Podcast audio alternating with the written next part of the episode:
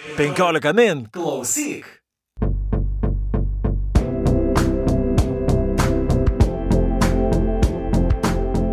Sveiki, gyvi 15 min skaitytojai, klausytojai ir žiūrovai. Ir e, su jumis sveikinasi tinklalaidė perskaitimai ir šios tinklalaidės e, esame šeimininkai mes, aš Audrius Ožalas. Ir aš Juratė Čerškutė. Ir šiandien pakalbėsime apie knygą, kurią bent jau uh, E, aš galėčiau tikrai įtraukti į kūrinių sąrašą, kurie šiais metais bent jau man padarė stipriausią įspūdį, bent jau top 2, top 3 tai tikrai yra. e, šita knyga pakliūtų ir tai yra meksikiečių rašytojos, e, kurie dabar yra laikoma viena iš tokių ryškiausių balsų Meksikos literatūroje, Fernandos Melchor kūrinys Uraganų sezonas. Šią, šią knygą išleido leidikla Arara. Na, o iš ispanų kalbos šią knygą vertė Eglė Naujokaitytė. Ir tikrai labai džiugu, kad kartu su mumis šiandien yra būtent Eglė, kuri išvertė šią knygą ir sveikinasi su mumis iš Meksikos. Labadiena. Sveiki.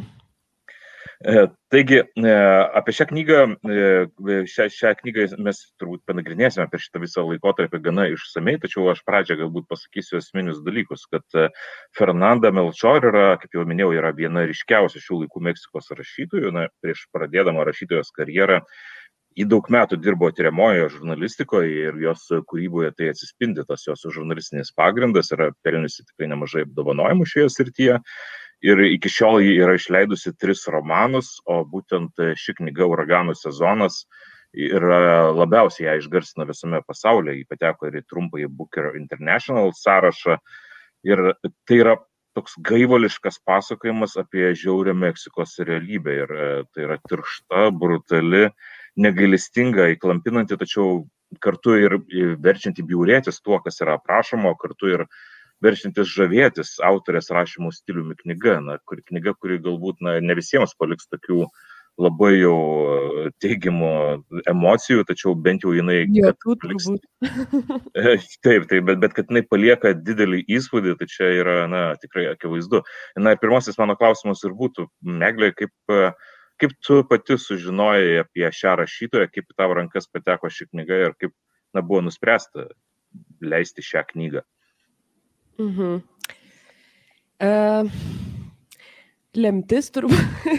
ne, labai, labai kažkaip viskas gerai susidėliojo, nes, uh, žodžiu, aš vedu radio laidas uh, tokioj Berlyno radijoje pavadinimu Kashmir Radio kas du mėnesiai ir laida, kurią, kurią dabar ten kaip ir montuoju, tai paprastai e, jos tema būna, e, nu, Tai taip visokia mm, kultūrinė, meninė, e, garsinė Meksikos realybė, bet kartais įimu interviu iš, e, ir iš rašytojų. Ir sugavau paimti interviu iš tokios e, kitos vietinės rašytojos, kuri, kuri man ir parekomendavo tą knygą. Tiksliau, aš interviu metu jos paklausiau, kokių, nežinau, ko, kokias kokias knygas šių metų meksikiečių rašytojų labiausiai siūlytum perskaityti ir, ir kas tavo nuomonė dabar yra įdomiausia e, Meksikos literatūriniai scenoje. Ir jinai būtent parekomendavo man visų pirma šitą knygą, kaip kad čia tikrai jau geriausia iš visų. ir, ir dar be to, jos, jo, tos rašytojos buvo draugės. Tai aš labai iki šiol viliuosi, kad kažkada mane dar ir supažindins su ta rašytoja, bet, bet žodžiu, ne, nesigauna. Nesigauna kažkaip mums ten susitikti, nu ir čia dar pandemija ir visa kita.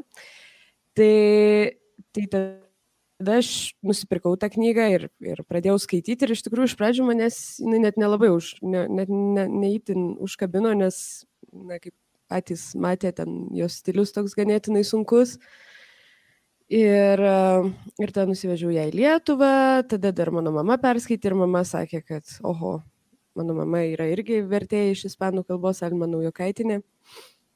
Ir praktiškai mama man kažkaip privertė ją antrą kartą pasiskaityti ir, ir pateikti kultūros tarybai paraišką, kad, kad gauti remimą ją versti ir panašiai. Ir gavosi taip, kad laimėjau laimėjau tą stipendiją ir tą pačią dieną man Benas iš Raros parašė, kad o kaip įdomu, kad ketini versi šitą knygą, nes aš ją norėčiau leisti, tai kažkaip viskas labai, labai paprastai susidėliojo, net pati nusistebėjau. Aš dar tik noriu truputį gražinti mus į tokį vieną labai simbolinį dalyką. Nežinau, ar mėly pokalbininkai pastebėjot, kad e, lygiai prieš keturis metus, 2017 metų balandį, buvo Meksikoje išleistas šitas Melčior romanas ir mes labai smagiai irgi balandį apie jį kalbam. Ir klausydama Eglės, aš norėjau klausti, ar jūs kartais nesamantą Šveblin kalbinot ir ne jinai jums patarė šitą knygą? Ne, kalbinau tokią rašytoją vardu Marijana Orantės, kurios beje kažkokius lygtais e, apsakymus ar kažkokius trumpus tekstus dar mano mama pernai išvertė Nemunui. Tai, tai netgi ir tos pačios Marijanos yra šiek tiek lietuvių kalba galima pasiskaityti. O kiek laiko, va turbūt tas labiausiai klausimas, jūs jau pradėjot pasakot, kaip čia taip gražiai sukrito aplinkybės ir paminėjot tą, ką mes turbūt irgi panarstysim, tą stilių ir apskritai teršti teksto tirštumą ir tokį tankumą, kuris skaitant visiškai neduoda jokio atokvėpio, tai aišku visada rūpi klausti, kiek, kiek laiko trukot, kol visą tai išvertėt, nes ir žodynas tikrai uh, nėra, nėra toks lengvas ir, ir pilnas ir gašlumo, ir mhm. Erotikos, ir smurto, ir, nu, turbūt visų pačių juodžiausių juodumų, kokios gali būti žmogaus gyvenime, ar ne? Aha. Dabar svarstau, kiek čia laiko man užtruko išversti tą knygą, gal kokie, kokius penkis mėnesius ar pusę metų, kažkas tokio. Taip, grinai, grinai versti. Nes. Mhm. Nes praktiškai daugiau negu trijų ar keturių puslapių per dieną, nes ta knyga juk nėra labai didelio formato, tiesiog pats tas tekstas yra labai, kaip sako, tankus ir, ir jo daug ir tiršta. E, tai, tai taip kažkur pusę metų knaisiausi ten prie to vertimo. Ir, ir tikrai būtent dėl, dėl to paties teksto, kiek jis, kiek, kiek jis sudėtingas ir, ir viską ne, nesugebėdavau išversti daugiau negu 3-4 puslapių per dieną. Na ir aišku, dar dėl paties turinio. Aišku, ir, ir, ir man įdomu, iš, kalbant apie patį vertimą, aišku, čia labai gal toks uh, sudėtingas ir daug apimantis klausimas būtų, na, bet uh, jūs esate taip ir uh, patyrusi vertėja, šiaip jau vertėte tikrai ne vieną kūrinį, o kaip būtų uraganų sezonas greta to, nes, na, tu prasa kalbate, kad, kad išvertėte, versdavote tai pamažu labai išlėto, bet, pavyzdžiui, jeigu lyginti su to pačia Lucia Belin arba dar kitais kūriniais, na, kaip, kaip, kaip pats tekstas, na, kaip, teko, kaip, kaip, kaip pavyko su juo susigyventi. Na, aš apskritai esu labai, labai perdėtai jautrus žmogus ir kažkaip, bet bet kuris dalykas, kurį, sakykime, vartoju ar per save perleidžiu, tai labai, labai stipriai man tai gaunasi. Ir e, labai stipriai paveikia ir labai stipriai išgyvenu viską. Tai, tai greičiausiai tas mano šitas, šito vertimo tempas lėtas buvo nulemtas daugiausiai šito dalyko, kad, kad tiesiog tas turinys buvo toks psichologiškai sekinantis ir sunkus, kad, kad tiesiog daugiau, daugiau negu tų trijų ar keturių puslapių per dieną nesugebėdavai padaryti, nes tiesiog, tiesiog dvasiškai pavargdavai. E, tai, nes iš tikrųjų, taip, aš verčiu jau kiek čia, apie dešimt metų, bet bet daug, daug tų išverstų mano knygų yra vaikų literatūra, paauglių literatūra, tai jinai vis tiek ne, ne, tokia, ne tokia gal rimta ir sunki. Uh, nors iš tikrųjų prisipažinsiu, kad sunkius kūrinius man gerokai labiau patinka versti ir, ir man netgi atrodo, kad man gerokai labiau gaunasi juos gerai išversti negu lengvus dalykus, nes lengvi dalykai apskritai man niekada gyvenime kažkaip ne, neimponavo.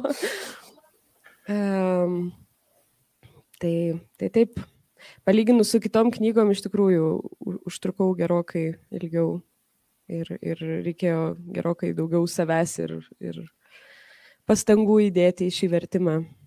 Ir kaip po to rūpi klaus, kaip atsistatėt? 3-4 puslapiai ir reikia išeiti pakvepuoti grino oro, ar ne? Pagulėti, pakvepuoti grino oro, um, paverkti netgi kartais reikėjo. Atsimenu, kažku, kažkuriuo metu, kažkurioje vietoje, uh, na ten yra tokia vieta apie kur viena iš veikėjų mergaitė tokia maža ir, ir kai jos istorija pasakojama, kaip jinai, kaip jinai pabėgo iš savo namų ir keliauja kažkur toli, kad nušokti nuo skardžio, koks jos sunkus gyvenimas ir jai ten 13 berots metų. Ir pasakoja jinai visą savo istoriją, kaip, kaip ten ją prievartavo patėvis ir panašiai, tai atsimenu toj vietoje tai net apsiverkiau ir kažkaip e, kažkaip dvi dienas turbūt ne, net negrįžau prie to vertimo, nes, nes galvoju, ką aš iš viso verčiu, ka, kam čia bus įdomu tokius dalykus skaityti ir, ir kam čia iš viso reikia, bet po to kažkaip nu, susigulėjo viskas.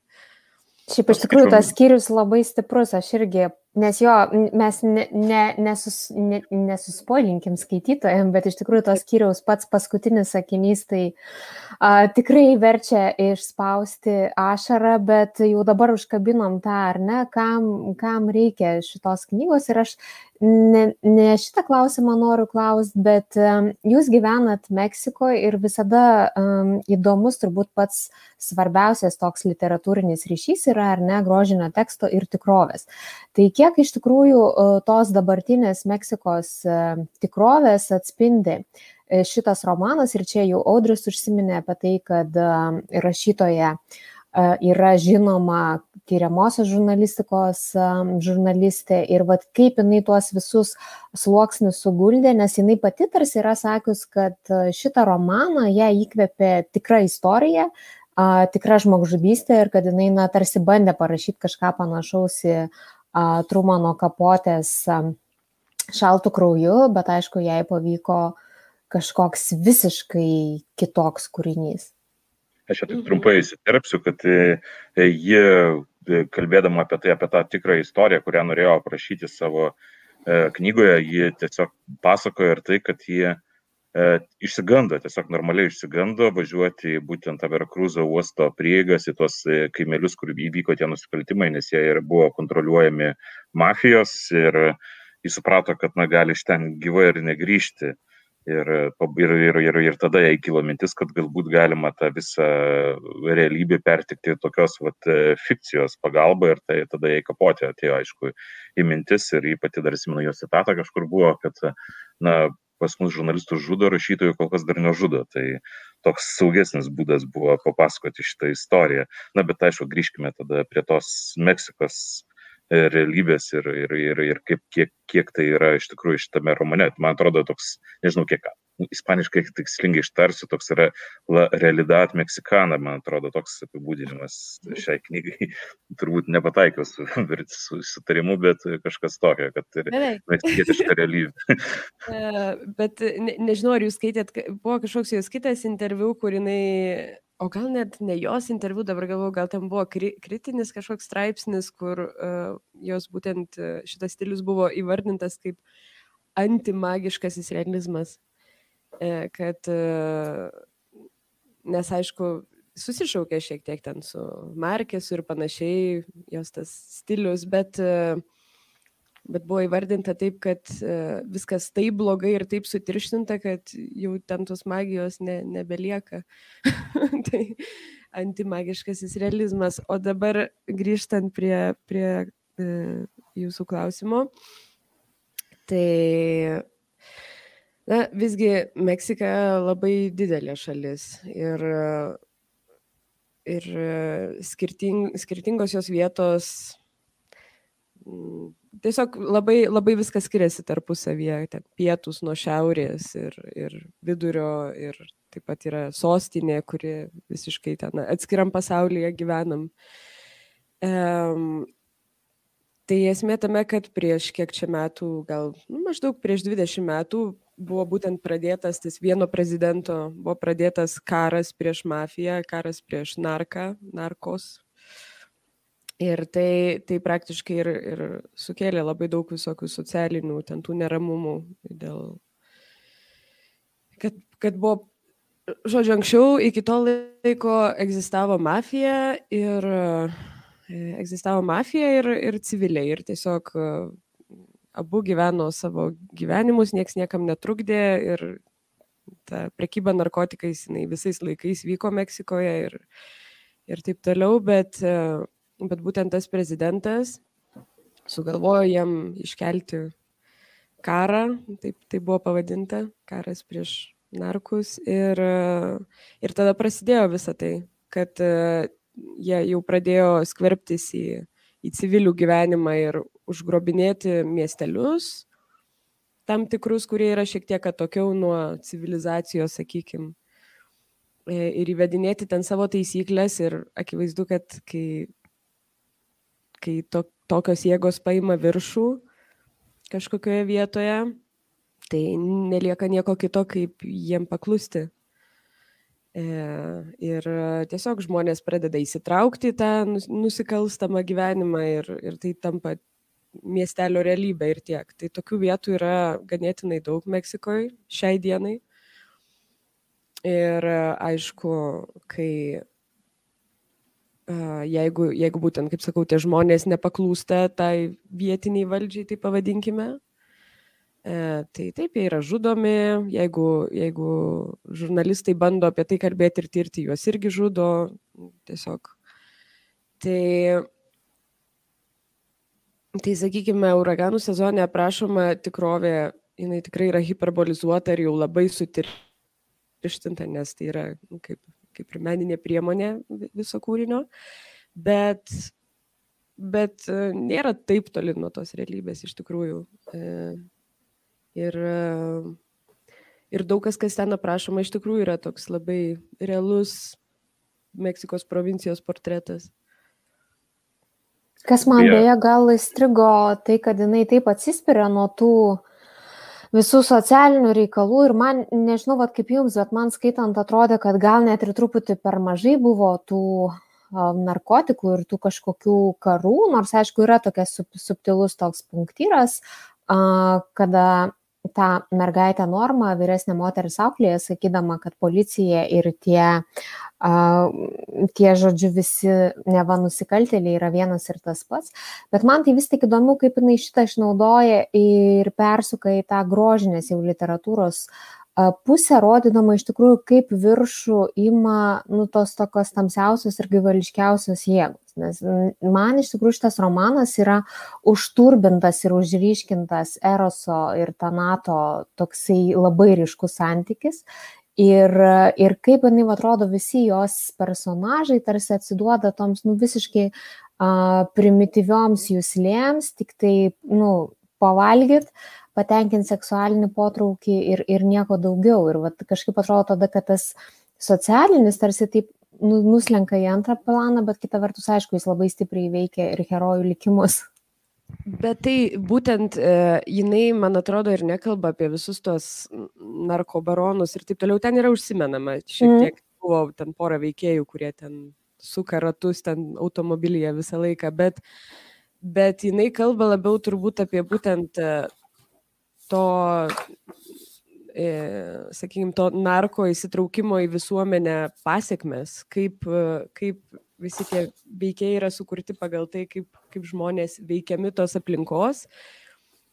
Nu, čia gal labai tokį um, labai šuolį didelį padarysiu, bet palyginsiu tiesiog su Sovietų sąjunga, sakykime, kai, kai buvo draudžiama žmonėm uh, daryti tiesiog būti laisvais ir daryti daug dalykų. Ir jų likimas buvo apspręstas, sakykime, ten kolūkio, kad e, jie ne, ne, negali turėti savo turto ir panašiai, turi tiesiog dirbti ir nešti viską bendram ten tam ūkiui. Ir žmonės pradėjo gerti ir visa kita. Tai tiesiog aš manau, kad čia kažkas yra panašaus, uh, panašaus, kad tiesiog kai nėra, nėra vilties, kad kažkas bus kitaip, grįžti prie, prie savo žemiausių instinktų tiesiog, nes, nes nėra kur trauktis, kažkas tokio galbūt. Ir vis dėlto, mhm. ir vis dėlto, aišku, daug skurdo ir šioje, šioje šalyje yra, yra daug atskirties socialinės, daug klasizmo ir, ir jeigu dar dar, dar sakykime, jeigu žmonėm kažkokia dar yra teikiama viltis, kad jie gali iš to išsikapanoti ir kažkur pajudėti, tai, tai dar gal kažkiek ir juda e, tie dalykai, bet kai, kai tavo aplinka tiesiog visiškai taip užgrobė kažkas ir, ir tau nėra kur trauktis, tai kas belieka. Tai ta neviltis turbūt labiausiai iš to ten ir eina ir, ir jinai kažkaip labai, manau, kad, nu, vėlgi pasikartosiu, hiperbolizuotai tai aprašo, ten jau ko ne, ko ne karikatūriškai, jau kur net kartais net jokinga ten pasidaro, kaip tai jau taip žiauru, taip žiauru viskas, kad jau net kažkaip bet, bet vis tiek ta, ta, tikrai atsispyrė nuo, nuo esamos tikrovės.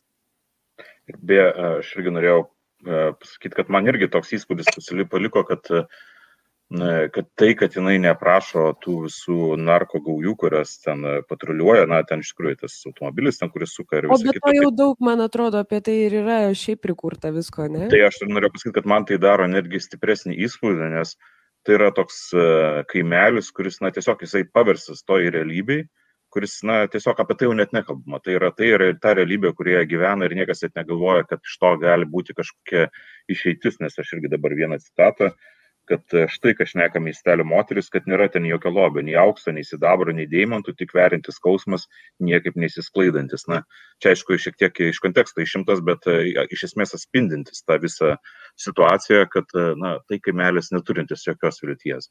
Ir kas tam padarė, kaip padarė, galbūt tai jau net nebėra esminis dalykas. Iš esmės mes matome tą realybę, kurioje jie gyvena. Yra tikrovė tiesiog, kuri jau yra ir, ir jinai yra, sakykime, dažna daug, daugelį vietų. Bet vėlgi, sakau, pa, pa, pagalvokime apie mūsų kai kuriuos ten provincijos miestelius ar kaimelius. Tai ar, ar labai... Ar, ar labai, aišku, mes neturim nar, narkobaronų, e, bet vis tiek yra kažkokios mafijos, kažkokie, nežinau, ko, kokia tiksliai yra Lietuvos situacija, bet manau, nu, nuvažiavus į kokį nors uh, gūdų kaimelį irgi ne, ne ką gražesnių vaizdų rastum. Beje, aš apie literatūrinės priemonės norėjau irgi pratesti, nes uh, jau paminėtas čia buvo Markesas, kur antimagiškas realizmas, nes iš tikrųjų daug kas ten lygina ir su patriarcho orduoju ir panašiai, nors man tai panašumų labai mažai, nes na, Markesas vis tiek jis iš visko bando vis tiek kažkokią pasaką sukurti. Tai čia tokia na, pasaka nedvelgia iš tikrųjų, nebent tokia siaubo pasaka.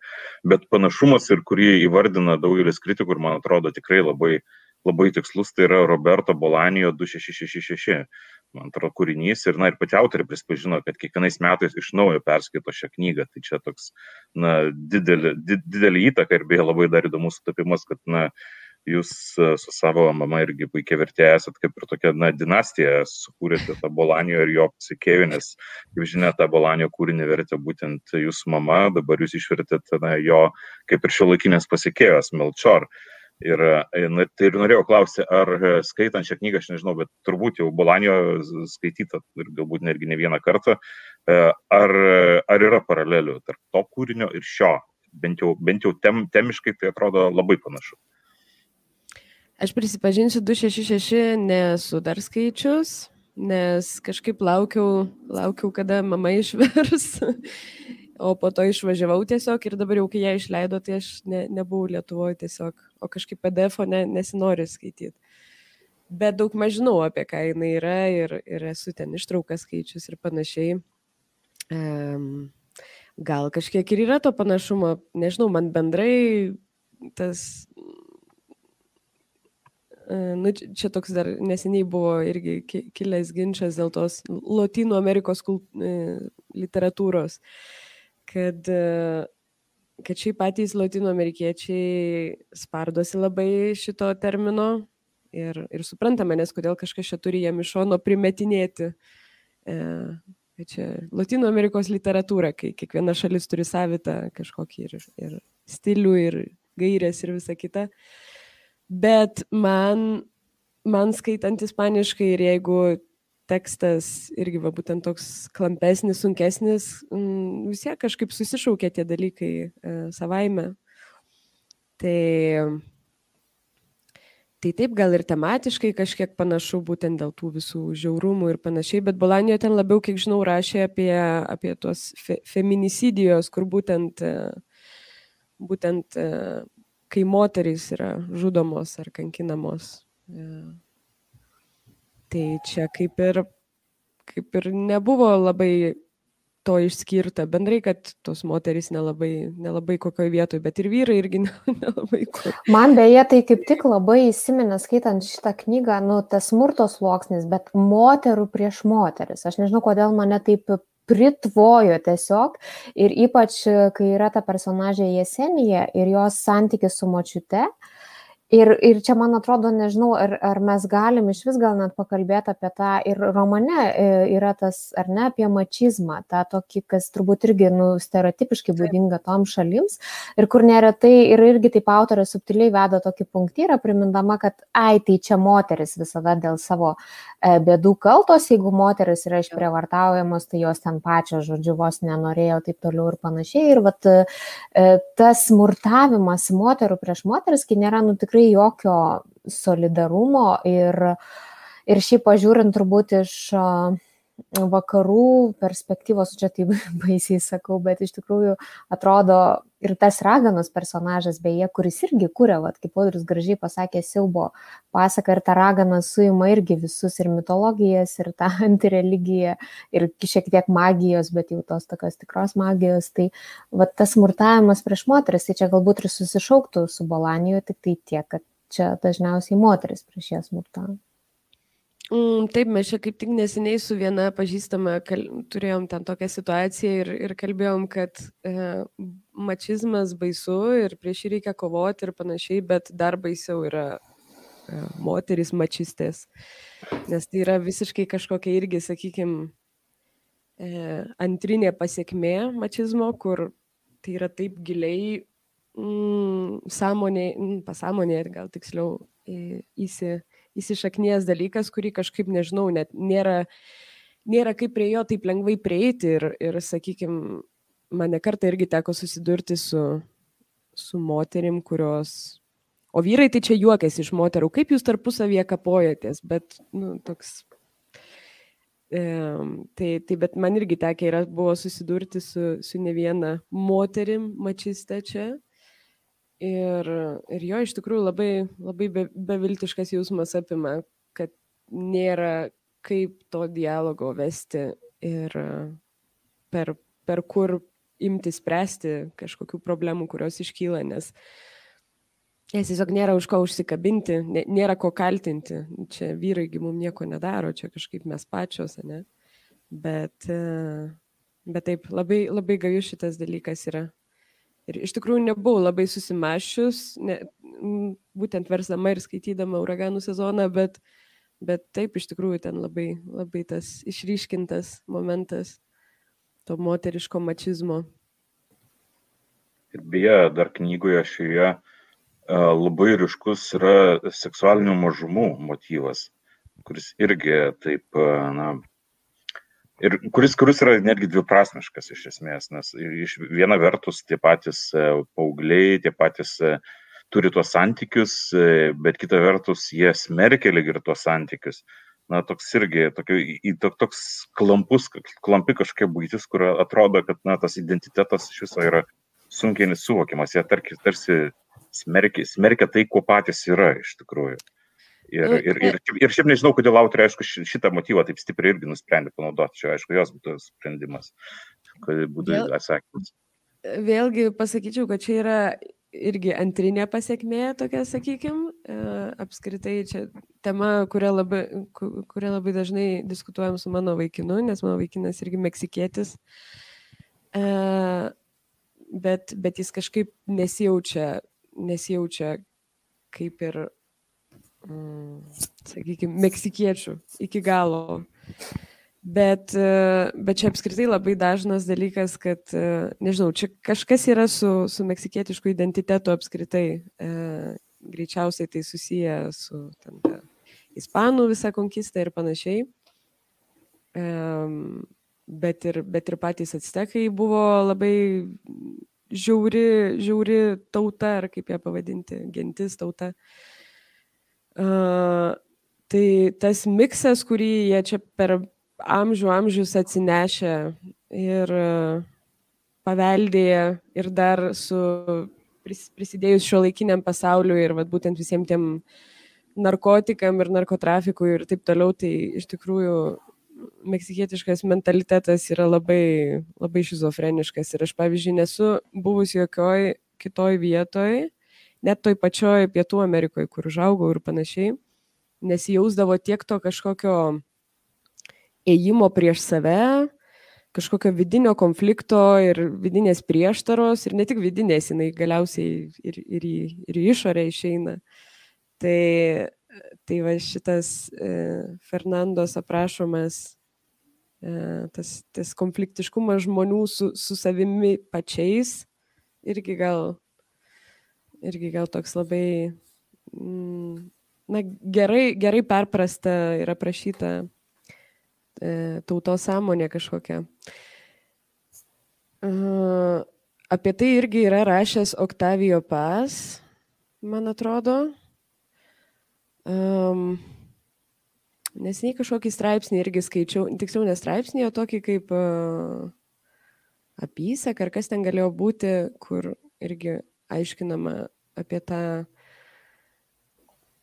meksikiečių savyje turimą tuštumą, kurią bando va, būtent už, už, užpildyti ten, alkoholizmu ir, ir tuo kažkokiu smurtu ir, ir visokiais žemais dalykais, nes tiesiog jie jaučiasi, jaučiasi kažkokie be vietos pasaulyje. Nors vėlgi tokia didelė šalis ir tiek visko daug ir panašiai, bet reikėtų, reikėtų jo atskirai pasidomėti. E, na, galbūt galima būtų dabar jau pradėti pakalbėti apie patį e, autorės rašymo stilių. Na, šiek tiek jau užsiminėm, kad tai yra, na, iš dalies toks kaip ir e, markiziškos įtakos turi, nors, aišku, čia labai jau toks banalus ir labai jau toksai platus apibrėžimas tas, bet uh, kaip pačiai, kaip pačiai pasirodė, koks yra šios, jos rašymo stilius, nes, na, tie patys tie ilgi sakiniai. Ir, e, tarsi, ir, ir man bent jau pasidarė įspūdis, kad na, tarsi, tarsi rašo tikrai sudėtingais, ilgais sakiniais ir, ir, ir jos tekstas labai tirštas, labai daug vaizdinių, metaforų ir visa kita. Tačiau bent jau man skaityti, kas bebūtų, netgi sakyčiau, na, labai, labai keista, kad jie skaityti knygą buvo pakankamai lengva. Ir, na, tarkim, dėl emocinio krūvio tai čia yra vienas dalykas, bet pats jos rašymo stilius, jisai, sikiu, ir lyg ir toks sudėtingas, tačiau kita vertus jis tiesiog skaitosi, na, tiesiog, nežinau, ten puslapis po puslapį. Na ir pati autorė, beje, aš e, skaičiu irgi vieną interviu, kuriame jis sakė, kad jai tikrai nepatinka pretenzingas, sudėtingas rašymas ir kad ji norėtų rašyti taip, kaip rašo, na, kriminalinių romanų autoriai, kad skaitai po puslapio. Tai man atrodo, kad iš dalies tas jai pavyko, ar ne? Taip, man tai visada susidarė įspūdis, e, kas, kas labai irgi patiko šitoje knygoje, kad uh, jinai, visa knyga parašyta kaip kažkokios uh, plėtkininkės bobelės tonų, kur staiga, staiga kažkaip eina, eina ir toks, toks jausmas, kad žmogus tiesiog, va irgi įsivaizduoju tokį Meksikos provincijos žmogų, tiesiog tai pasakojantį, pasakojantį kažką tai be sustojimo. Uh, E, ir, ir nesvarbu, ar ten klauso kažkas jo ar ne, bet tiesiog pasakoja, nes, nes labai mėgsta apkalbinėti. Ir, ir man atrodo, jinai kažkaip tokį truputį tą toną buvo pasiemus ir tada staiga jau būna momentai surimtėję, surimtėję ir jau tada kažkas truputį oficialiau. Ir, ir tai pavyzdžiui, irgi va šitas dalykas man labai patiko tekste, kad, kad jie keičiasi, keičiasi kaip ir e, autoriaus balsas pats autorius kažkaip tapatinasi visų skirtingais kažkokiais veikėjais, kurie nėra veikėjai, apie kuriuos yra kalbama, bet kartu ir jų, iš jų perspektyvos kartais pakalbama. Uh, bet bendrai paėmus, tai man tikrai, sakau, asocijuodavosi su tokia moterėlė, kuri pila, pila, pila ten kažką ir pasakoja ir, ir jau net springsta truputį, bet vis tiek toliau pila. tai... Bet šiaip pati struktūra tai yra iš tikrųjų, aš tai šitą tekstą vadinčiau rašiomonišku ir čia yra paimta japonų ir Jonasukės Akutagavos, nes net ir prasideda veiksmas taip pat kaip tankmėje yra randamas lavonas ir va ten principas būtent yra uh, kad e, dalyvavę įvykį turi skirtingus prisiminimus ir, nu, ta prasme, iš skirtingos perspektyvos mes matom. Ir tas romanas, aišku, jis yra toks modifikuotas Rašamono principas, bet iš esmės kiekvienas skyrius yra atskiras personažas ir rodoma jo perspektyva. Ir kuo daugiau mes perskaitom skyrių, nu, toks, va, atrodo, tu iš pradžių įeini ir net ten randamas lavonas ir tada romanas kaip duris jos veriasi, veriasi, veriasi ir vis su kiekvienu skyrium mes sužinom daugiau ir vis labiau sužinom net galiausiai ir tą lavono situaciją, ar ne, kas ten ir kaip jį nužudė, lyg ir tampa galiausiai kažkaip aišku. Ir va tas žaidimas ir visažinių pasakotojų ir išlaikant šiokį tokį sąmonės rautą, tai man atrodo, va čia vėl, ar būtų pasiteisinęs tas stilius, jeigu nebūtų struktūros, nes man atrodo, čia yra labai tie du dalykai sukibę. Taip, greičiausiai, kad nebūtų ta prasme, aš tai galvoju, kad labai, vis dėlto jinai labai profesionaliai parašė tą ir, ir dėl to taip ir žavu, nes tas kontrastas gal, kad, na, kaip, kaip, kaip ir sakot, kad, kad vis tiek yra struktūra, tai nėra tiesiog, kad, bet pats, pats tonas, sakykime, man atrodo kaip va, ta moterėlė šnekanti. Mm. Bet jinai būtent kažkokia sus, sustruktūruota yra ir, ir vis tiek ne, ne, nenukrypsta kažkur į visiškas lankas, kaip galbūt tikrovėje, sakykime.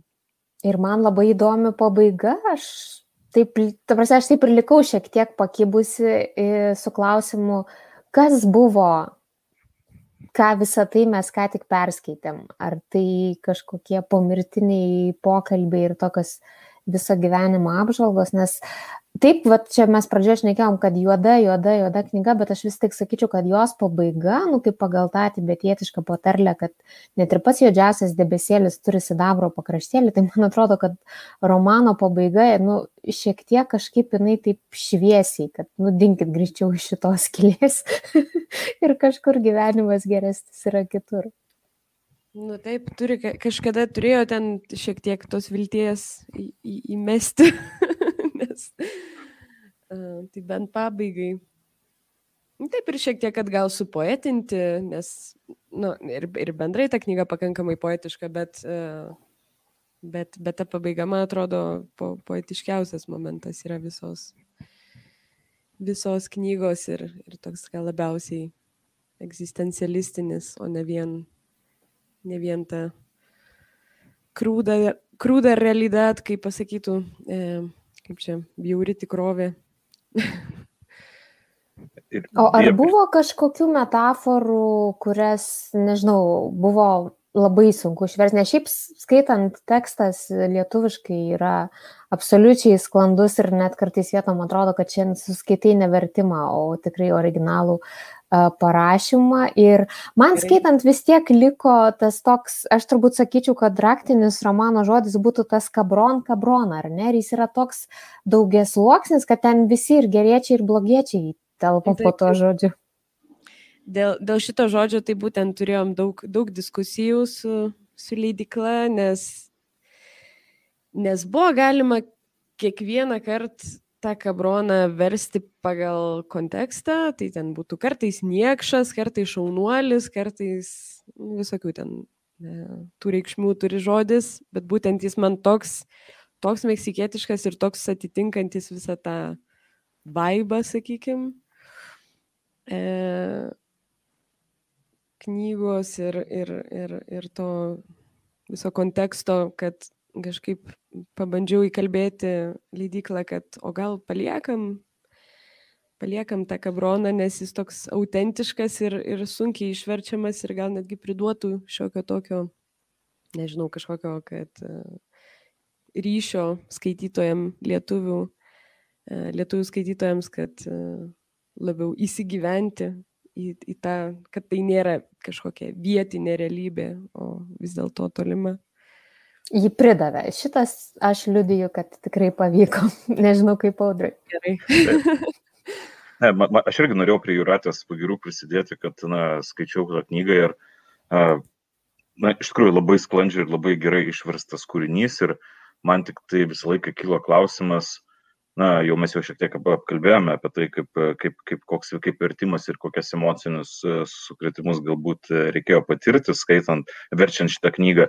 Bet, na, buvo kai kurios tokios scenos ir ypač, pavyzdžiui, na, seks, seks, sekso scenos, kurios yra grafiškai labai naturalistiškai aprašytos ir šiaip to smurto. Ir aš galvoju, na, ar, ar, ar, ar buvo sudėtinga kažkaip, e, na, kaip iš, iš vertėjo pusės, ne vien tik tai iš emocinės pusės, uh, E, versti tuos epizodus ir kad, kad tai atsispindėtų, nes aš nežinau, aišku, kaip yra būtent ispaniškoje versijoje, bet e, na, ar, ar buvo tam tikrų atitikmenų, kur paieškų reikėjo, ar, ar, ar šiaip tiesiog išsireiškimų. Šiek tiek, šiek tiek, kai, kai, kai kuriem išsireiškimam tai tikrai e, klausinėjausi būtent savo vaikino, kur irgi dėkoju jam, kad padėjo su daug ko, nu, bet.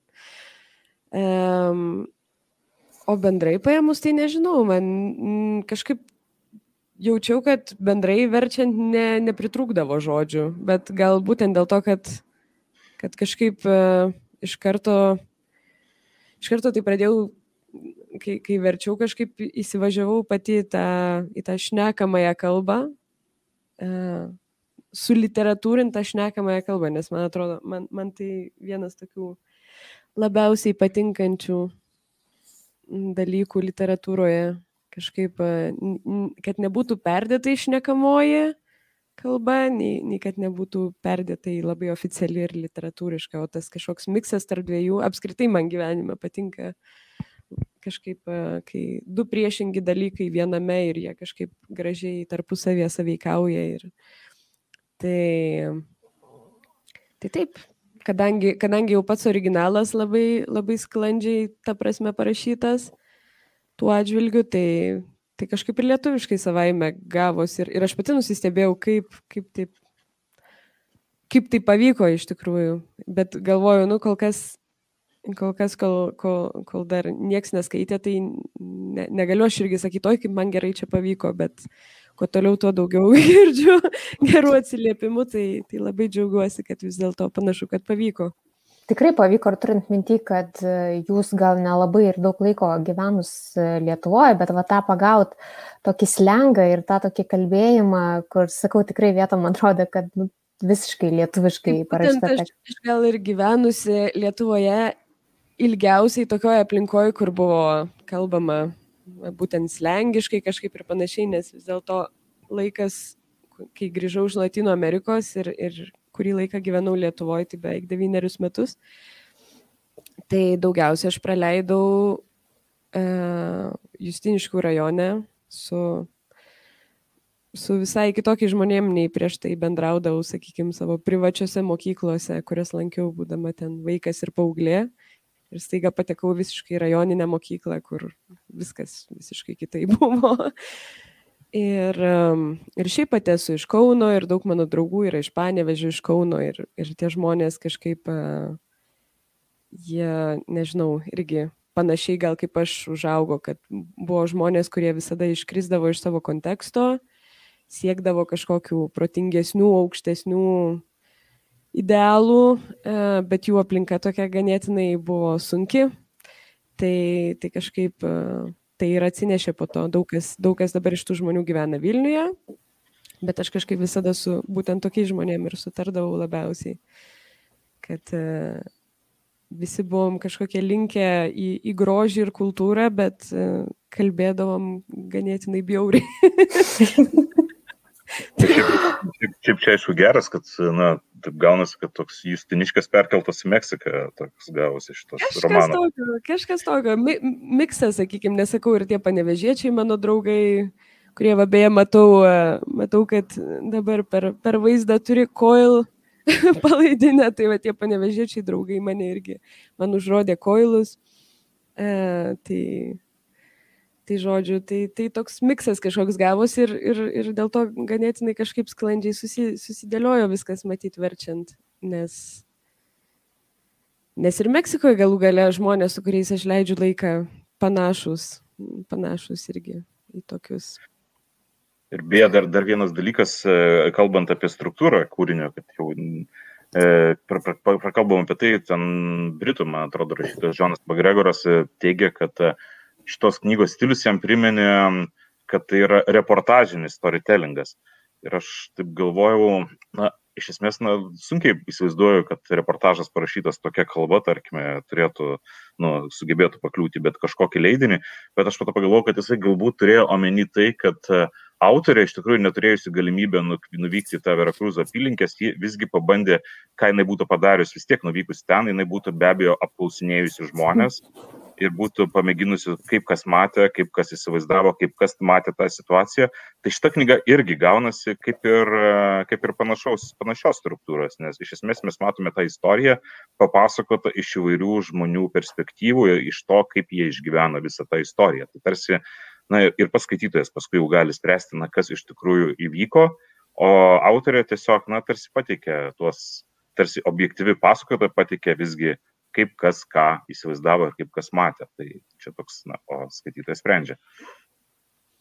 Gal iš tos pusės ir taip, bet man apskritai angliškas vertimas nepasirodė labai geras, tiesą sakant. Ta prasme, man jis, man jis nepasirodė būtent per, perteikiantis tos, tos dvasios knygos.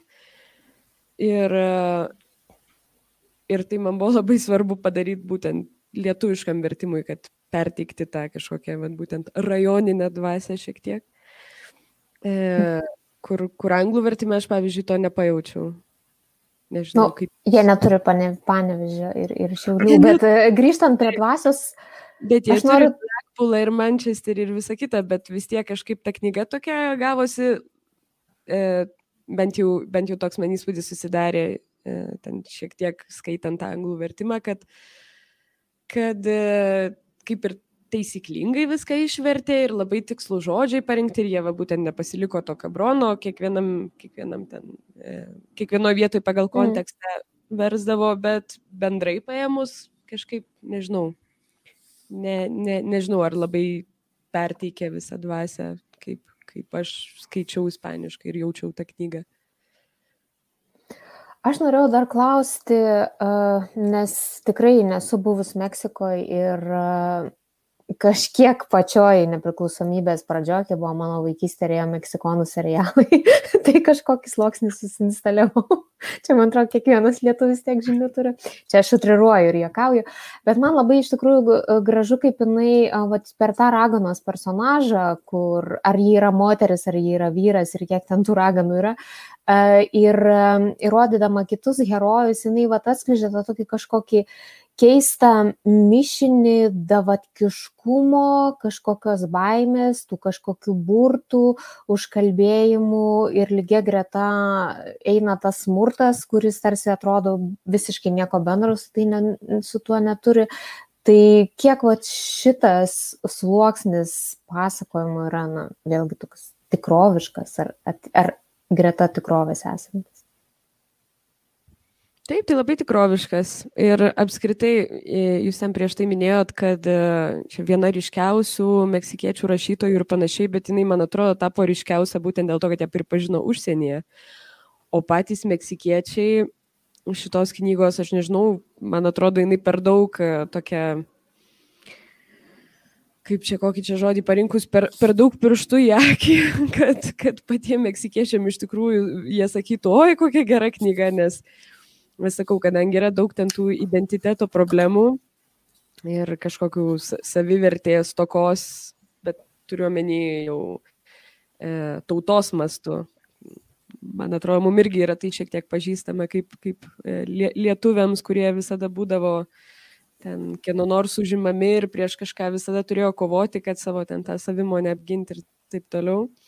Tai, tai aišku, nemalonu tokius, nemalonu, kai yra kažkas ir dar jis yra savas, taip gerai tave aprašo, taip gerai apibūdina ir dar ne, ne iš geriausios pusės, nes bendrai paėmus tai meksikietiška, meksikietiška kultūra labai tokia melo kultūra, viskas, viskas labai gražu, daug šipsenų, daug, daug džiaugsmo, daug saulės, su viskuo sutinkama, viskas labai gerai, bet, bet niekas nemoka pasakyti ne, o visą tai laiko, visą tą kažkokį pyktį ir, ar, ar, ar nesutikimą su kažkuo visada laiko savyje ir tai anksčiau ar vėliau tai kažkaip turigi išeiti į išorę, tas sulaikimas.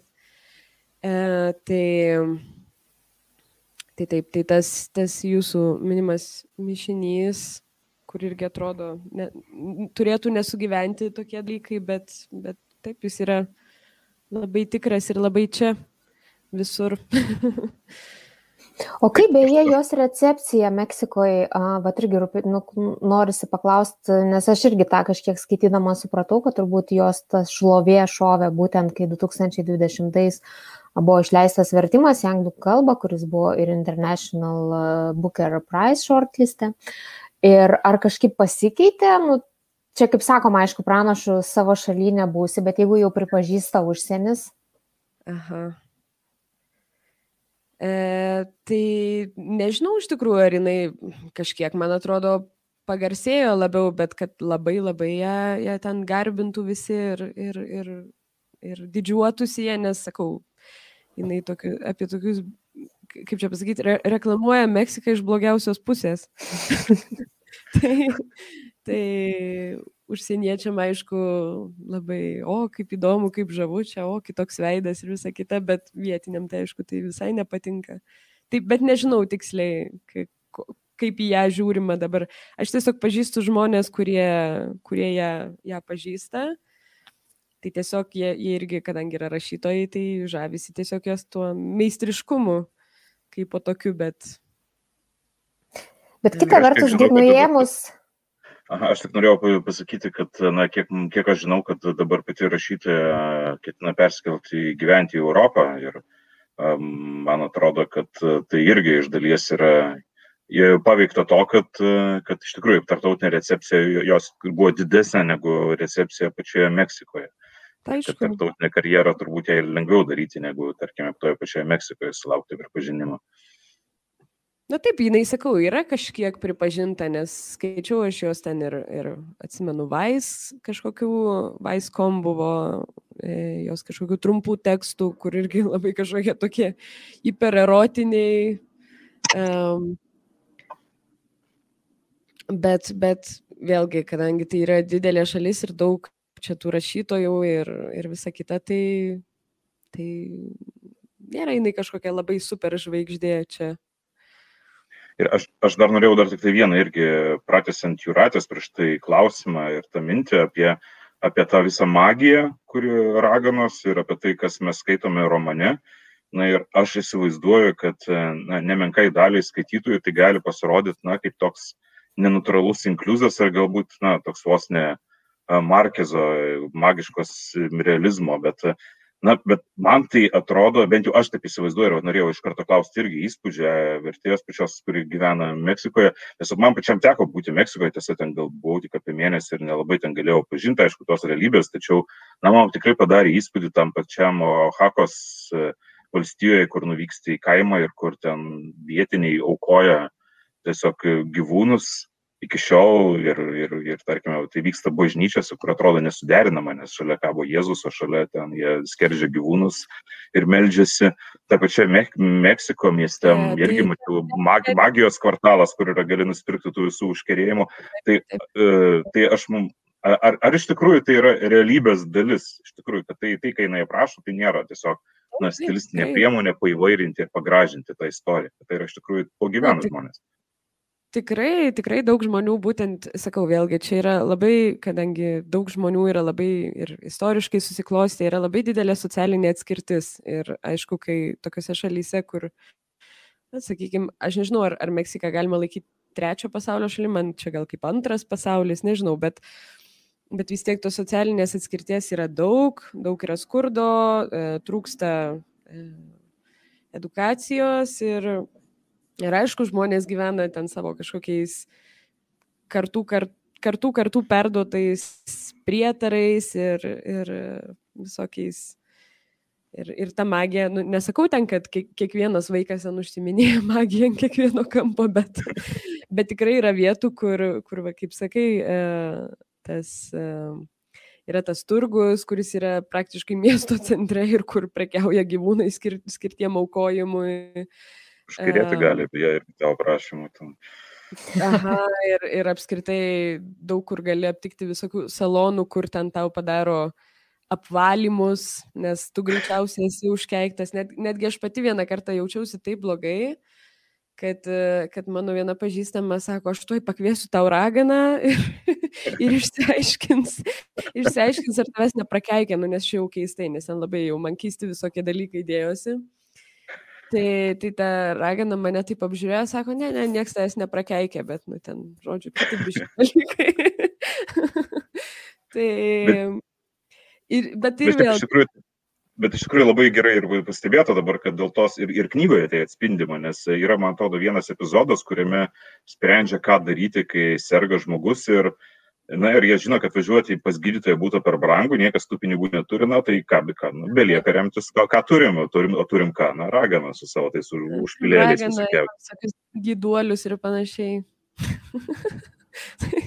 ja, dar dabar irgi prisiminiau, kaip čia neseniai vienas pažįstamas irgi pasakojo, kaip ten jam iš, kažkoks gyduolis iš, išgydė skrandį ir ten, kad paėmė už pilvo ir kažkaip persuko žarnas ir dabar jis viską vėl gali valgyti ir daryti nu, visokie tokie dalykai. Bet tai vėlgi, aš galvoju, man atrodo, Lietuvoje irgi tokių žmonių netrūksta. Ten visi ten tie šarlatanai ir gyduoliai ir, Ir, kartais, ir ypač dabar COVID pandemijos ir skiepų akivaizdoje, tai taip. Ir, ir ne tik dėl COVID, bet apskritai, kad gyvenam kažkokiais tokiais labai cyberpunkiniais laikais, kur, kur viskas jau labai automatizuota, tai automatiškai tas New Age'as kažkaip irgi iškyla. Um, Mokslas jau outdated, toks pasenęs dalykas. Jau, nu, toks jau vos ne kaip elito dalykas yra mokslas.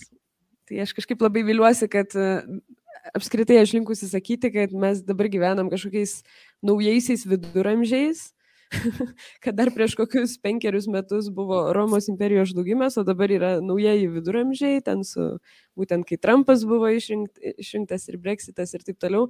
Tai guodžia tai, kad dabar laikas bėga gerokai greičiau ir tie viduramžiai gerokai trumpiau truks ir, ir po to laukia renesansas. Tai, tai greičiausiai kažkaip žmonės vis dėlto gal grįž prie to tikrojo mokslo ir panašiai. Um, bet dabar tai tokia maišatis, maišatis visapusiškai visam pasaulyje, man atrodo, kad. Uh, ir, ir taip, ir nežinau, man, man daugeliu, daugeliu atveju, sakau, Meksika labai primena Lietuvą būtent dėl tos, kad yra ta, ta buvo kažkokia priverstinė krikščionybė įvesta ir dėl to žmonės yra kažkokie kaip ir prispausti nuo senų laikų ir jau ten, aišku, kas susiklostė po to istoriškai, tai jau kita kalba, bet vis tiek bendras tas yra, kad ta primesta krikščionybė, o iš tikrųjų žmonės labai linkia į, į burtus, į paganizmą ir taip toliau ir, ir vis tiek tai niekur neišnyksta. Um, kad iš, iš esmės tai nėra vakarietiškos kultūros. Jo, tai aš dabar noriu dar užduoti klausimą čia kaip mokslo, to elitizmo atstovė. E, taip, dabar mes labai daug šnekam apie tai, kad čia ta Meksikos tikrovė kažkaip gula į šitą tekstą. Bet jeigu mes nuimsim tą Meksikos sluoksnį ir vat, labai gražiai Eglė net kelis kartus jau veda tą paralelę, kad ir su Lietuva arba su bet kokia pasaulio šalimi, tai man kažkaip atrodo, kad šitos knygos šerdis yra ir taip tas žmonių a, vidinis tuštumas, tas toks, kur sakoma, kas nutinka, kai vidinis karštis ima verštis į išorę ir sprogdina viską. Bet iš tikrųjų tai man visos istorijos ir visi herojai, jie yra tiesiog neišmylėti. Jie yra nepatyrę meilės ir aišku, čia mes gaunam tą tokį visą paketą bet kurioj pasaulio šaly, kur yra nusikalstamumas, kur yra e, menkas išsilavinimas, kur nėra jokio praktiškai švietimo, kur yra skurdas ir tada lenda tas erosas ir tanatas pačiais tokiais griniausiais ir žiauriausiais uh, pavydalais. Ir, ir man vat, kažkaip, aš galvoju, galbūt šitas tekstas taip ir eina per pasaulį ir daugelį žmonių užkabina, kad, nu, taip, tas pirminis anturažas smurto ir visų tų žiaurių dalykų, bet iš esmės gilumas to tokio, nu, kaip žmonėm trūksta meilės, nes praktiškai meilės linijos šitam romane, nu, praktiškai nėra. Arba, nu, nebent ten koks nors labai jau vykęs seksas, tai galima galbūt traktuoti, kad ten jau kažkokie jausmai buvo, bet šiaip. Na taip, bet tai būtent uh, iš kur ta meilė, kai tiek nepritekliaus, kai viskas taip tamsu, beviltiška, tai kažkaip iš kur ta meilė iš tikrųjų ir turėtų rastis. Tai... Iš pasakos. iš pasakos. Jo, man, man tai irgi iš tikrųjų ta meilės ir mes jau kalbėjome apie būtent apie tą epizodą, apie tą senelę, mačiutę, kuri irgi nekenčia savo nukės ir tie santykiai ir atrodo, na tai tarsi, na, paralyžiuoja, nes, na, kaip mes įsivaizduojame iš tų visų archetipinių pasakojimų, kad jau kas jau kas, o seneliai savo nukus myli ir visą kitą. Aš Aha, bet staiga... jinai kaip myli ir dėl to ten juos taip ir kažkaip skriaudžia visus, nes atseit myli. Tai čia toks bet, irgi. Man... Bet ir pas, Vėlgi Bet labai susitraukė. Tas, tas paskutinis sakinys, na, tai tiesiog irgi pasituosiu toks priblaškantis. Todėl ir numirė iš neapykantos tirtėdama savo vyriausios anūkės glebį.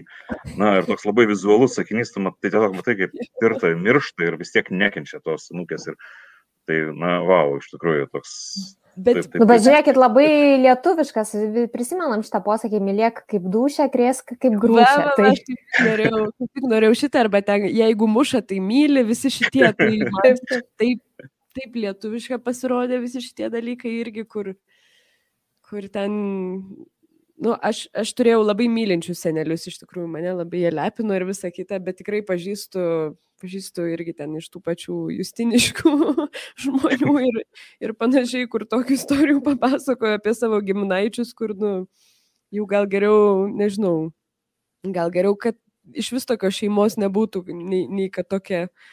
Tai, tai sakau, tu dar norėjai labai daug.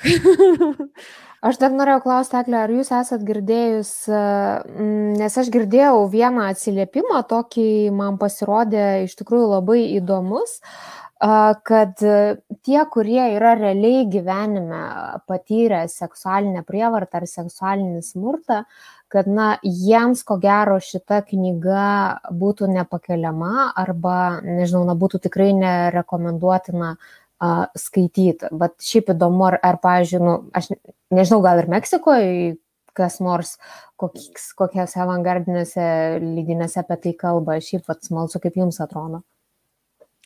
Aš tai manau, kad e, tai labai priklauso nuo kiekvieno žmogaus ir kaip jis e, dirbo ar gydėsi savo traumą, kad ir kokia ta trauma būtų, nes e, yra žmonių, kurie nebūtinai ten seksualiai išnaudoti buvo, bet kažkaip kitaip tiesiog buvo skriaudžiami.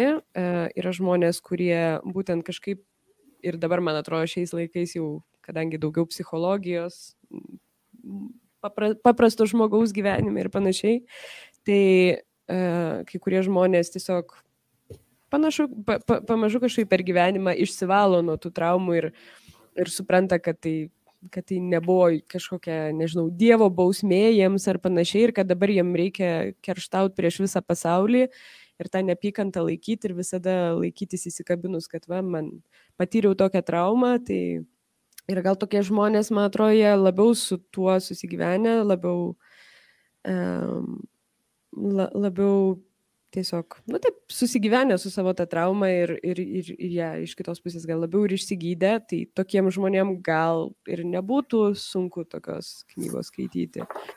O žmonės, kurie, kurie to ne, taip jiems ne, ne, ne, nepavyko iš, išsigydyti, sakykime, ar susigyventi, tai, tai gal greičiausiai ir ne, iš tikrųjų ne, nerekomenduočiau skaityti.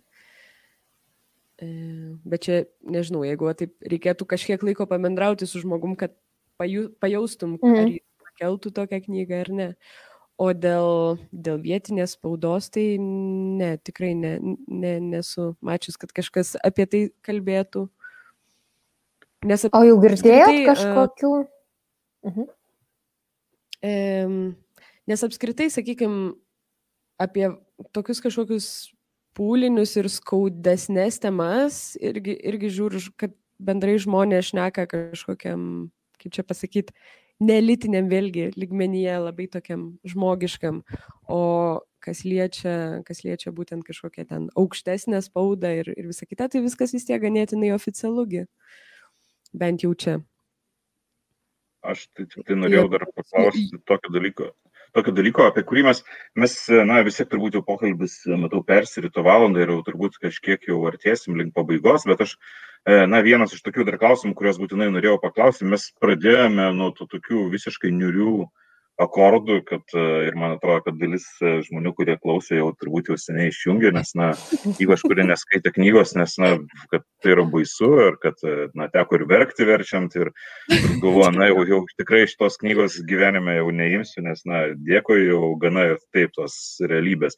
Tačiau, e, ar yra kažkas, kas visoje toje tamsoje, kas iš tikrųjų verčia šį tekstą, na, gražiu, na, e, na, aš pamėginčiau paaiškinti, na, vėl grįžtant beje prie tos minėtos coil grupės ir to viso paties Dark Industrial, kurie kaip ir vienas iš tų teiginių yra, na, kad, na, visas ta visa ta tamsa turi, kuria savotišką grožį. Ir, na, kur ta, ta visa tamsa, tas, tas grožis, aišku, jis yra, na, visai kitokio paveikumo ir visai kitaip jis yra suprantamas. Tai aš norėjau paklausti, ar šita tamsa, kurią Melchior kūrė šitoje knygoje ir ar jinai irgi tą sukuria kažkokią, na, tokį, na, galbūt ir pasibjaurėjimą, bet kartu ir kažkokią, na, šiurpų, šiurpų grožį. Na, va, tai toks būtų klausimas. Mm. Labai įdomus klausimas iš tikrųjų mm, ir, ir įdomus palyginimai, bet uh, nežinau, man atrodo, kad ne.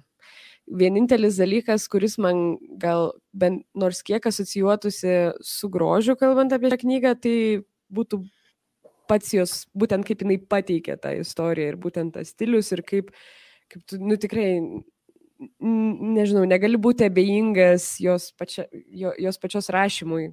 E, tai, tai vienintelis tas grožio elementas man čia jos, kaip, kai, ta, ta forma, kaip jinai visą tai pateikia, bet, bet iš paties turinio, kad kažkaip iš visos tos juodumos kažkokį ten rasti bent jau romantikos kažkokį krislą, kur aš irgi jau stengiuosi kuo toliau, tuo labiau iš tikrųjų neromantizuoti visokių tamsių dalykų, nes, nes vėlgi, kuo, kuo, kuo daugiau laiko bėga, tuo labiau išlenda visokie ten istorijos apie visokius praeities ten dievukus ir, ir legendinės ir kultinės asmenybės, kur iš tikrųjų nieko ten gražaus nėra ir nėra ten kodėl jų garbinti ir, ir tiesiog daug, daug visokių skaudžių jų supusių žmonių istorijų Tai, tai kažkaip tos tams, tamsos romantizuoti, mm, jau, jau, kuo, kuo toliau, tuo mažiau esu linkusi, bet, mm, bet jo, šio, šioje knygoje be, be to būtent jos pateikimo ir stiliaus, tai nežinau, kas galėtų ten labai, labai gražu ar romantiška pasirodyti. Na, aš pritarčiau, Agnė, kad grožis yra kalboje, Iš esmės Aha. turbūt jo kaip tas. Bet čia turbūt suveikia kitas, man tai šitas tekstas gal būtų toks kaip iliustracinis uh, graikų tragedijos ir to katarsio. Ir galiausiai čia susikuria labai įdomi projekcija, bent jau skaitytojai skaitydami gali atsikvėpti, kad nu, daugmaž jiem tai blogai gyvenime. Tai tikrai nėra. Taip, galima ir tai perskaičiuoti. Aš šitą irgi norėjau dar paminėti, bet kad, dėl to, kaip, vienintelis kaip, gražus kaip, dalykas gali būti, kad, o kaip gerai, kad man taip nėra. taip, taip. Tai čia kaip psicho, psichologai vardina, kodėl žmonės taip mėgsta skaityti kriminalinės naujienas, tai viena iš priežasčių, kad e, pasitikrinti, kad jie visgi yra gyvena saugiai. Na, ten kažkur kažkas sprogdina, žudo avarijos ir tu paskaitai sėdėdamas namie ir galvoji, na, pasisekė visgi, iš, išgyvenau ir kitiems nepasisekė. Tai čia galbūt jo, galbūt yra viena iš tų priežasčių, skaitai ir galvoji, na, visai, visai dar nieko šiaip iš tikrųjų. Ir galiausiai pabaiga, aš nepasakiau kalbėdama apie tą pabaigą, tai jeigu mes visą tekstą traktuojam kaip rašiomoną, Tai pabaiga jinai irgi yra tokia atvira, iš esmės jinai palieka skaitytojui ją suprasti, nu bent jau man taip atrodo, nes galima keliais skirtingais rakursais ją perskaityti. Tai toks irgi, va čia turbūt yra grožis irgi, va kaip ir Eglė sakė, to sukonstravimo ir kokią kalbą jinai pasirenka, o jau tos, ta tikrovė jau jinai kažkaip prižlugdo, bet. Bet visada yra kur trauktis kažkokia tokia truputį mintis ten pabaigoje, ne?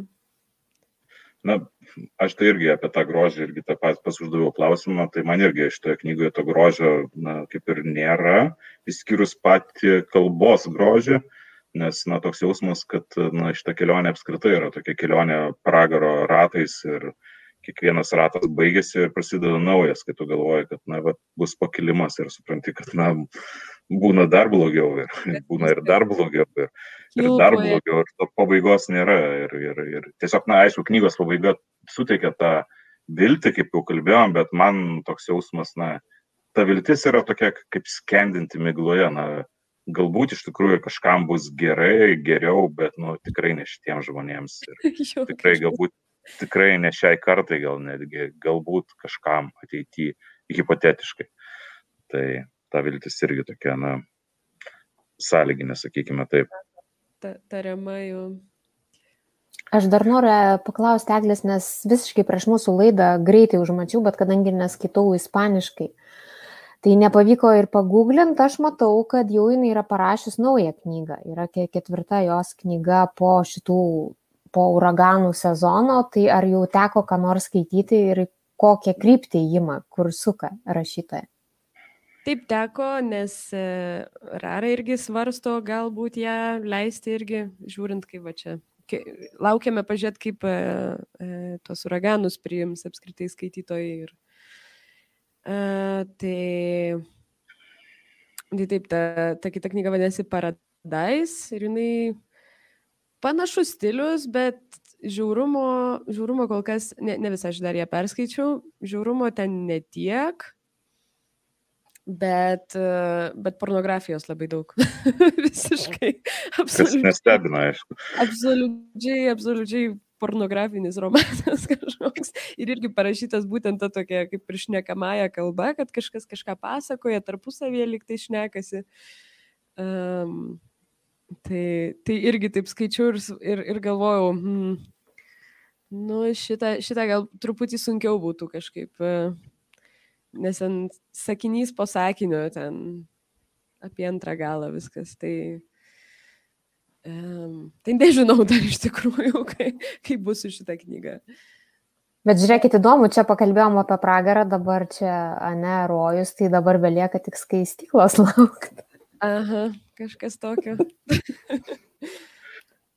Na ir ką, ir nežinau, šiaip iš tikrųjų toks, koks galėtų būti apibendrinimas ir kokiems skaitytojams rekomenduoti šią knygą, bet jau aš rekomenduočiau tikrai tiems, kurie iš literatūros norisi ne, na, neįtin patogių gal dalykų ir galbūt nes, nesinori feel good, tam, ta prasme, nuotaikos arba dar visą kitą, bet kurie mėgsta iš tikrųjų labai tokią galbūt ir sudėtingą, galbūt emociškai labai sukrečiančią, tačiau iš tikrųjų labai na, stiprią literatūrą, kuri na, nepalieka mintise, nes aš irgi šią knygą perskaičiau prieš kelis mėnesius, tačiau na, iki šiol tie vaizdiniai, štai atsiverčiau vėl knygą šiandien ruoždamas pokalbį ir na, tie vaizdiniai išlieka ir jie na, nepalieka. Iš tikrųjų, tai yra knyga, kuri, na, galbūt tu tiesiog jautiesi perskaitęs, tarsi norėtus nusiplauti rankas, bet, na, galiausiai vis tiek tai lieka. Taip lengvai. O ar jūs jau, Eglė, girdėjot kažkokiu atsiliepimu iš lietuviškų skaitytojų, man įdomu, ar buvo kokiu nors pasipiktinimu?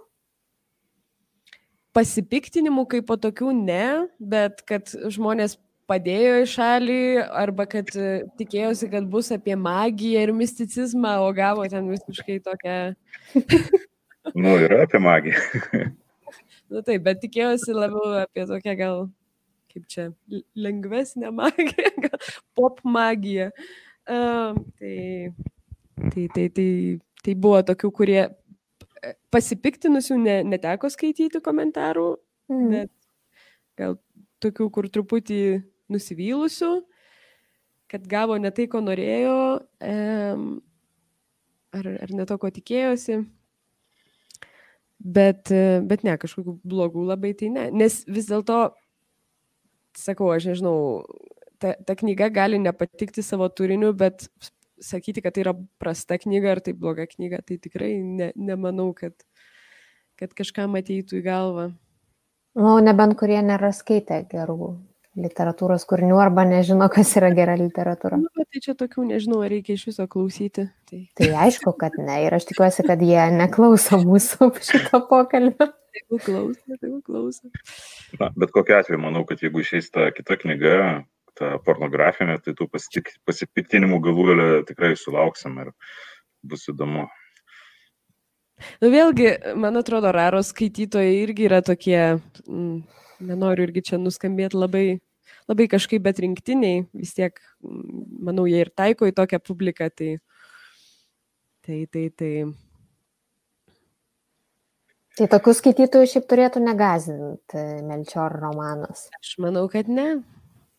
Nes vis tiek irgi tai yra žmonės, kurie moka analizuoti literatūrą ir kažkaip ne, neprima, kad tiesiog, tiesiog tas, kas, e, nežinau, kažkaip netiesiogiai priima, priima vis tiek, o kelia savo klausimus, gal kad kodėl, link ko čia veda, nežinau, galų gale sukelia kažkokius jausmus, kurie, nežinau, supra, su, bendrai supratingiau priima e, tokią literatūrą. Na ir tikrai tikiuosi, kad e, šitas pokalbis dar tikrai padrasins tuos, kurie dar nedryso e, imti šitos knygos į savo rankas. Ir beje, labai gražiai išleistas, išleistas e, šis romanas. Labai gražus leidimas, tikrai. Man ir viršelis labai na, tobulai atitinka ir nuotaika paties kūrinio. Na ir kągi, ir tiek šį kartą turbūt laidoje perskaitimai ir na, labai dėkojame tiesiogiai pasijungusiai Egliai, naujai kaityti šitos knygos vertėjai, kuri tikrai manau, kad praplėtė ir šios knygos skaitimo kontekstus ir papasakojo daugiau, kaip tai, na, kaip tai, kaip, kaip, ką mes skaitome iš tikrųjų šitoje knygoje, ne tik apie vertimą, bet ir iš tikrųjų, ką autorė galbūt norėjo pasakyti šitą knygą. Taigi labai dėkui Egliai. Ačiū, kad Na, ir... labai atsiprašau už savo lietuvių kalbą, nes iš tikrųjų jaučiu, kad bent jau pirmą laidos dalį buvo labai sunku dėlioti mintis, jau kažkaip į antrą į antrą pusę jau pagerėjo truputį, bet iš tikrųjų beveik neturiu su kuo kalbėti lietuviškai čia būdama ir, ir labai pasijaučia taip, kai, kai tenka staiga, atrodo, kad nes kiekvieną dieną kaip ir skaitau lietuviškai ir, ir turiu ryšio su lietuvių kalba, bet šnekamoji vis tiek yra kitaip. Tai bet jūs viską sukaupėt ir išliejat į puikų, puikų vertimą, tiesiog sklandžiai besiliejantį puslapį. Tai aš tikiuosi, kad mes dar ir pagausinom šito romano skaitytojų gretas šituo mūsų pokalbiu. Na ir kągi, ir tada iki kitų susiskaitimų, susiklausimų, susibendravimo ir kaip visuomet šitos laidos e, vedėjai buvome aš Audris Ožalas. Ir aš Juratė Čerškutė. Ir kągi, iki ir gerų skaitinių.